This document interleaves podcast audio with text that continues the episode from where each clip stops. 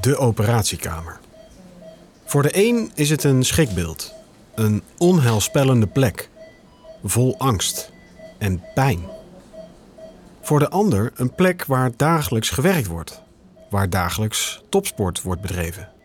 Niet om prijzen of awards te winnen, nee, gewoon om je werk te doen, om mensen beter te maken, om telkens maar weer jezelf te overtreffen. Normaal gesproken is de operatiekamer een afgesloten plek. De opnames voor televisie of radio zijn op één hand te tellen doorgaans. Maar de geluiden die je hoort zijn geen archiefgeluiden. Nee, ik ben live bij een bijzondere operatie. En jij dus ook. We zijn bij een operatie waarbij een techniek wordt toegepast die alleen in het UMC Utrecht mogelijk is. Een noviteit. Een mogelijk baanbrekende manier om mensen met scoliose te behandelen. Op de operatietafel ligt de negenjarige Wessel. Ik heb een spierziekte SMA. En, en ik heb een rolstoel en ik heb ook een looprek. En soms hou ik ook aan de tafel vast en ga ik een beetje zo langs de kanten. Ja, dit is Wessel. Hij heeft dus de spierziekte SMA. Door die aandoening is hij grotendeels rolstoelgebonden. En doordat hij in een rolstoel zit, is de verkromming van zijn ruggenwervel ontstaan. En zijn organen gaan verschuiven en verzakken. Zijn ruggenwervel moet daarom rechtgezet worden. Hij wordt geopereerd door een chirurg van het UMC Utrecht, professor Dr. Mojo Kruid. Samen met collega René Kastelein, waarmee hij ook de operatie van Wessel doet, hebben ze een innovatieve manier ontwikkeld op het gebied van scolioseoperaties. Ja, dus we hebben hier de blokjes uh, op de staaf gezet waar die zo meteen tegenaan duwt. Dit is de veer en die gaan we opspannen. En dan hebben we nog een blokje. Doorgaans moeten kinderen zoals Wessel wel tien keer geopereerd worden. Want een kinderrug is volop in de groei. Met deze nieuwe operatie is het mogelijk om met één operatie zijn rug vast te zetten, dankzij een veer.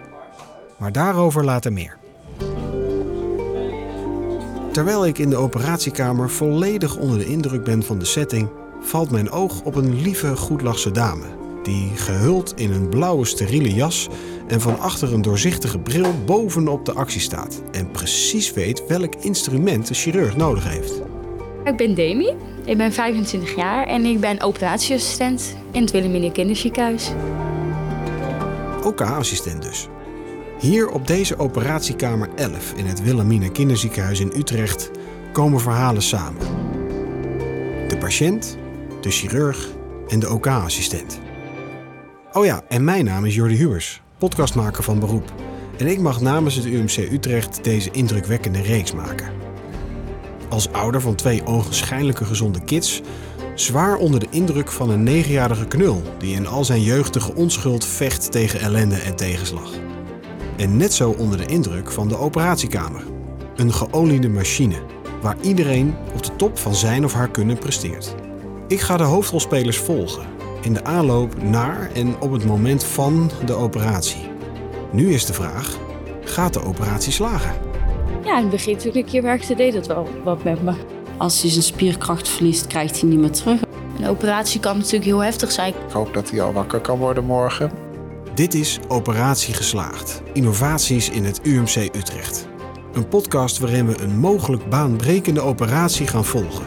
Van spannende voorbereiding tot de operatie zelf. Aflevering 1. Bittere noodzaak.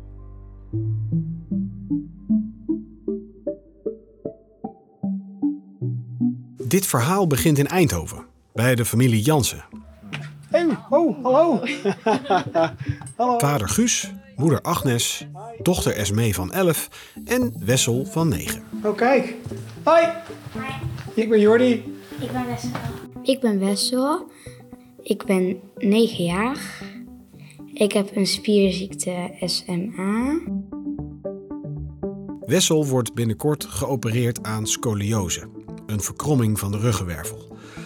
Die heeft hij vanwege de spierziekte SMA, oftewel spinale musculaire atrofie. De spierziekte SMA maakt hem grotendeels rolstoelgebonden. Ja, Wessel eh, is geboren met progressieve spierziekte SMA. Ja. ja, toen zijn er al vrij snel wat medicijnen gekomen. Toen was er nog niks toen wij daarachter kwamen. En die medicijnen zouden hem stabiel houden. Uiteindelijk is hij met die medicijnen wel een klein beetje sterker geworden. Hij heeft zelfs een paar pasjes los kunnen lopen. Maar we merken nu ook wel, nu de rug heel slecht wordt, uh, hij begint nu scoliose te krijgen. Hij ja, groeit helemaal scheef. Uh, dat het voor hem ook steeds moeilijker wordt ook, uh, om zijn gewicht te dragen. SMA is een zeldzame erfelijke spierziekte. In Nederland zijn er naar schatting 600 tot 750 mensen met SMA. Van alle baby's die jaarlijks worden geboren, hebben er ongeveer 20 SMA.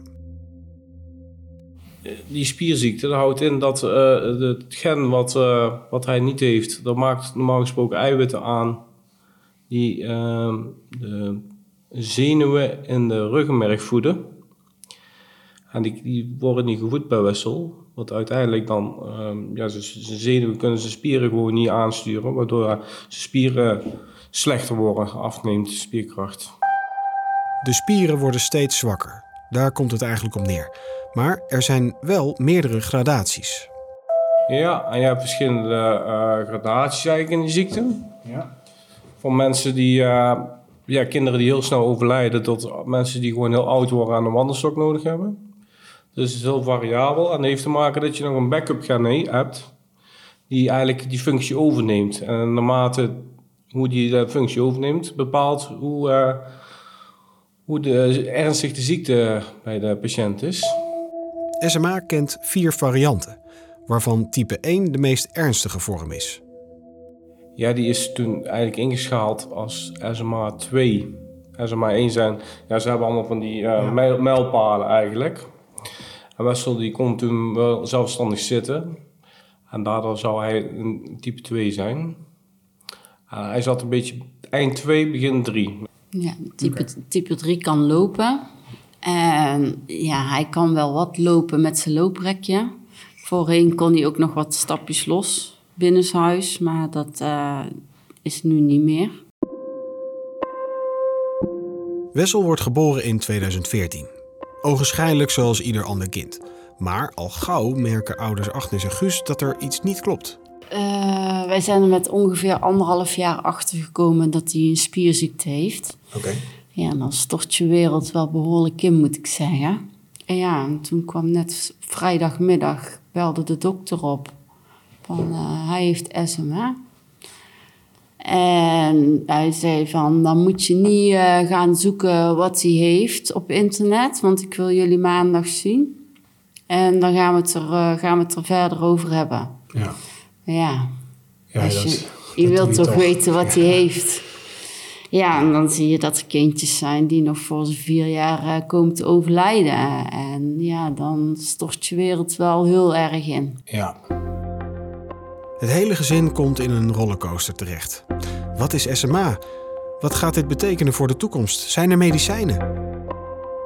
Uiteindelijk is er dan toch een medicijn gekomen waar hij dus wel wat sterker van werd. Maar ja, we merken nu wel weer dat hij uh, weer inlevert helaas. Het was wel heel verwarrend dat je eerst uh, weet dat het heel slecht gaat. En dan komt er medicijn en dan gaat hij vooruit. En nu zien we weer dat hij weer achteruit gaat. En dat is niet eigenlijk omdat de medicijn niks meer doet, maar dat is meer omdat hij groter en zwaarder wordt en zijn spiertjes niet hard genoeg meegroeien, ook niet met dat medicijn. Ja. Uh, dus er is ook geen, geen enkel perspectief geboden van hoe hij over tien jaar. Daar nee. wordt helemaal niet naar gekeken. Nee. Oké. Okay. Nee. Nee, ja, we zien wel gewoon uh, mensen met SMA dat ze in principe altijd ja, toch wel slechter worden. Ja. Maar toen was er mensen die de generatie ouder is, zeg maar, die hadden nog geen medicijnen. En sinds 2018 is er wel een medicijn wat wel iets doet, maar we weten dus niet wat dat op latere leeftijd doet. Want het is eigenlijk gewoon nieuw. helemaal nieuw. En zonder aanknopingspunten voor de toekomst moet het gezin alles maar gewoon ondergaan. Accepteren. Ondertussen is Wessel alweer negen jaar. Zit hij op de basisschool, heeft hij vriendjes en is hij op zijn manier actief. Maar zijn leven en dat van zijn ouders en zus is anders. Ja, ik vind dat wel heel zwaar. Ja. Ook eh, natuurlijk omdat vriendjes en vriendinnetjes eh, wel gewoon gezond zijn. En wel naar een trampoline pretpark kunnen en leuke dingen doen. En voor het eerst gaan lopen. En ja, is vooral kleine kinderen die hem inhalen. Dat is Ja. een hele grote bewustwording steeds. ja. Als, als, er, als er mensen een kindje krijgen en die begint na een jaar te lopen. Terwijl wij hier een zoon hebben die en dan niet, ja, dat niet kan. Agnes heeft een eigen hondentrimsalon aan huis. Guus is automonteur bij de Volkswagen garage in de buurt. Dit geeft hen de flexibiliteit om er voor Wessel te zijn. En dat is nodig, want je bent als ouder een soort projectmanager om alles maar te regelen. het blijft gewoon altijd moeilijk. Want je hebt continu zorgen en van het een val je weer in het ander. En er moet een rolstoel komen en het moet weer aangepast worden. En er moet aangepaste stoelje binnenkomen en iets voor te douchen. Ehm kijk, zit wel gewoon op eh, gewoon onderwijs. Ja. Ehm, daar krijgt hij ook fysio op school. Dus we doen daar toch wel eh, in meedenken ook. En daar heeft hij ook gewoon zijn hulpmiddelen, een, een looprekje voor in de school. Een aangepast toilet eh, moest er komen, een aangepast bureau, een aangepaste stoel. En dat moet continu weer afgesteld worden als die groeit. Het moet weer vervangen worden. Dus je bent altijd wel, dan heb je het weer geregeld en dan biedt het volgende zich weer aan. En het is- is ook nog op verschillende manieren dat geregeld moet worden. Hier binnen huis krijg je het van de gemeente en op school moet je weer bij het eh, UWV zijn. En loopt ook heel veel langs je hebt elkaar. allemaal wegen die je moet bewandelen om iets voor elkaar te krijgen. Je krijgt er hulp in vanuit de gemeente voor sommige dingen. Ja, sommige dingen moet ik ook zelf doen. Ja, ik zie eigenlijk twee hele positieve mensen tegenover me, maar word er wel eens moedeloos van. Ja, geregeld. Geregeld. Als we weer een klap voor onze kop krijgen ergens mee, dan, uh, dan zak je moeten wel even in de schoenen. ja. Eh, ja, ik ben wel. La, ja, ik merk wel dat ik wel heel vaak gewoon moe ben. Moe van alles. En hoe is dit voor Wessel zelf? We spreken hem op vrijdag. De herfstvakantie is net begonnen, maar voor hem geen lekker weekje luieren. Hij gaat de operatie tegemoet. En van zijn klas heeft hij een cadeau gekregen. En dan zit hij onder zo'n balletje. Ja. En die moet ik dan... ah, wacht. Pak Oh, ze hebben het je ook lekker makkelijk gemaakt. eh. Ja. Eh, ja, hier is het begin. Het is een heel parcours in één En balletje. dan moet ik zo, en dan moet ik heel zachtjes rollen. Dan moet ik helemaal zo gaan en dan moet hij zo. Moet hij zo. Zijn achter. eh, nee, Ik vertelde dat een kindje er echt uren mee kon spelen. Dus dat moeten we hebben. moet hij zo. Gaat hij hier en dan moet ik weer zo. Dan kan hij zo. En dan valt hij. Kijk, Het is ja. heel moeilijk. Het is heel moeilijk, maar ja, dan heb je wel wat te doen. Wessel zit in groep 6. Hij kan goed meekomen en hij vindt school leuk. Hoewel, Vind je school leuk? Eh, ja. Eh, niet erg. Nee? Waarom, waarom vind je het niet leuk? Omdat het saai is en moeilijk. Ja? Soms ook wel een beetje. Wat vind je moeilijk dan? Aan taal, een beetje. En het is ook vooral heel saai. Want les is gewoon saai om te maken. uiteraard heeft Wessel vriendjes. En zijn rolstoel maakt buitenspelen niet anders. Ze houden een beetje rekening met mij. En ze spelen ook wel eh, met mij van dingen wat ik allemaal kan. En wat is dat dan? Wat zijn jullie aan het doen dan? Tikkertje of zo, of verstoppertje. Dan moet ik met mijn rolstoel, want we hebben hele leuke verstopplekken op school. Allemaal van die struiken en zo, en dan kan ik dan zo achter. En dan eh, vinden ze je niet. Hm, soms niet. En wat vind jij leuk om te doen? Wat, eh, we gaan zo meteen even in je kamer kijken als dat kan. Maar Ik vind het leuk om te zwemmen. En ik vind het ook leuk om te pingpongen, dat is ook heel leuk. te pingpongen, Ja? kan je dat goed? Hm, Niet echt. Een beetje. Oké. Vind je ook eh, gamen heel erg leuk? Of, eh, Ja. Game is ook heel leuk, ja. En wat, eh, wat, wat game jij? Fortnite. Dat is eh, een spel. En dan moet je met geweren op elkaar schieten. En wie als laatste overblijft, die krijgt dan een kroontje. En je hebt ook nog zo van geld in het spel. Daarmee kan je hele leuke poppetjes kopen en rugzakken en zo. We nemen een kijkje in de slaapkamer van Wessel. Die is op de begane grond uiteraard. Van zoveel mogelijk gemakken voorzien. Zo heeft hij een douche achter zijn slaapkamer bijvoorbeeld. En hij heeft een bedauto. Of autobed. Of, nou ja, Nou, zo.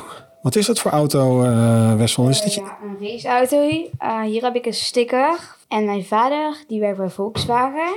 En hij had mij zo'n logo gegeven. En die heb ik op mijn bed geplakt. hey, en dit is jouw kamer. Jij hebt achter jouw eh, kamer heb je een eigen badkamer. Ja? Hoe ehm, eh, gaat dat met, eh, met, eh, met naar wc gaan en zo? Vind je dat, is dat moeilijk voor jou of lukt dat? Nee, het lukt wel. Want met zijn looprijk heb ik meer steun. En dan kan ik gewoon zelf gaan lopen. Wessel ziet toch wel een beetje op tegen de operatie. Nogal logisch. Het is namelijk niet niks wat dat kleine lijfje te verduren gaat krijgen. Diverse slangetjes, infusen en daarna pijnstillers als morfine en ketamine. Maar hoe gaat hij het leuker maken voor zichzelf?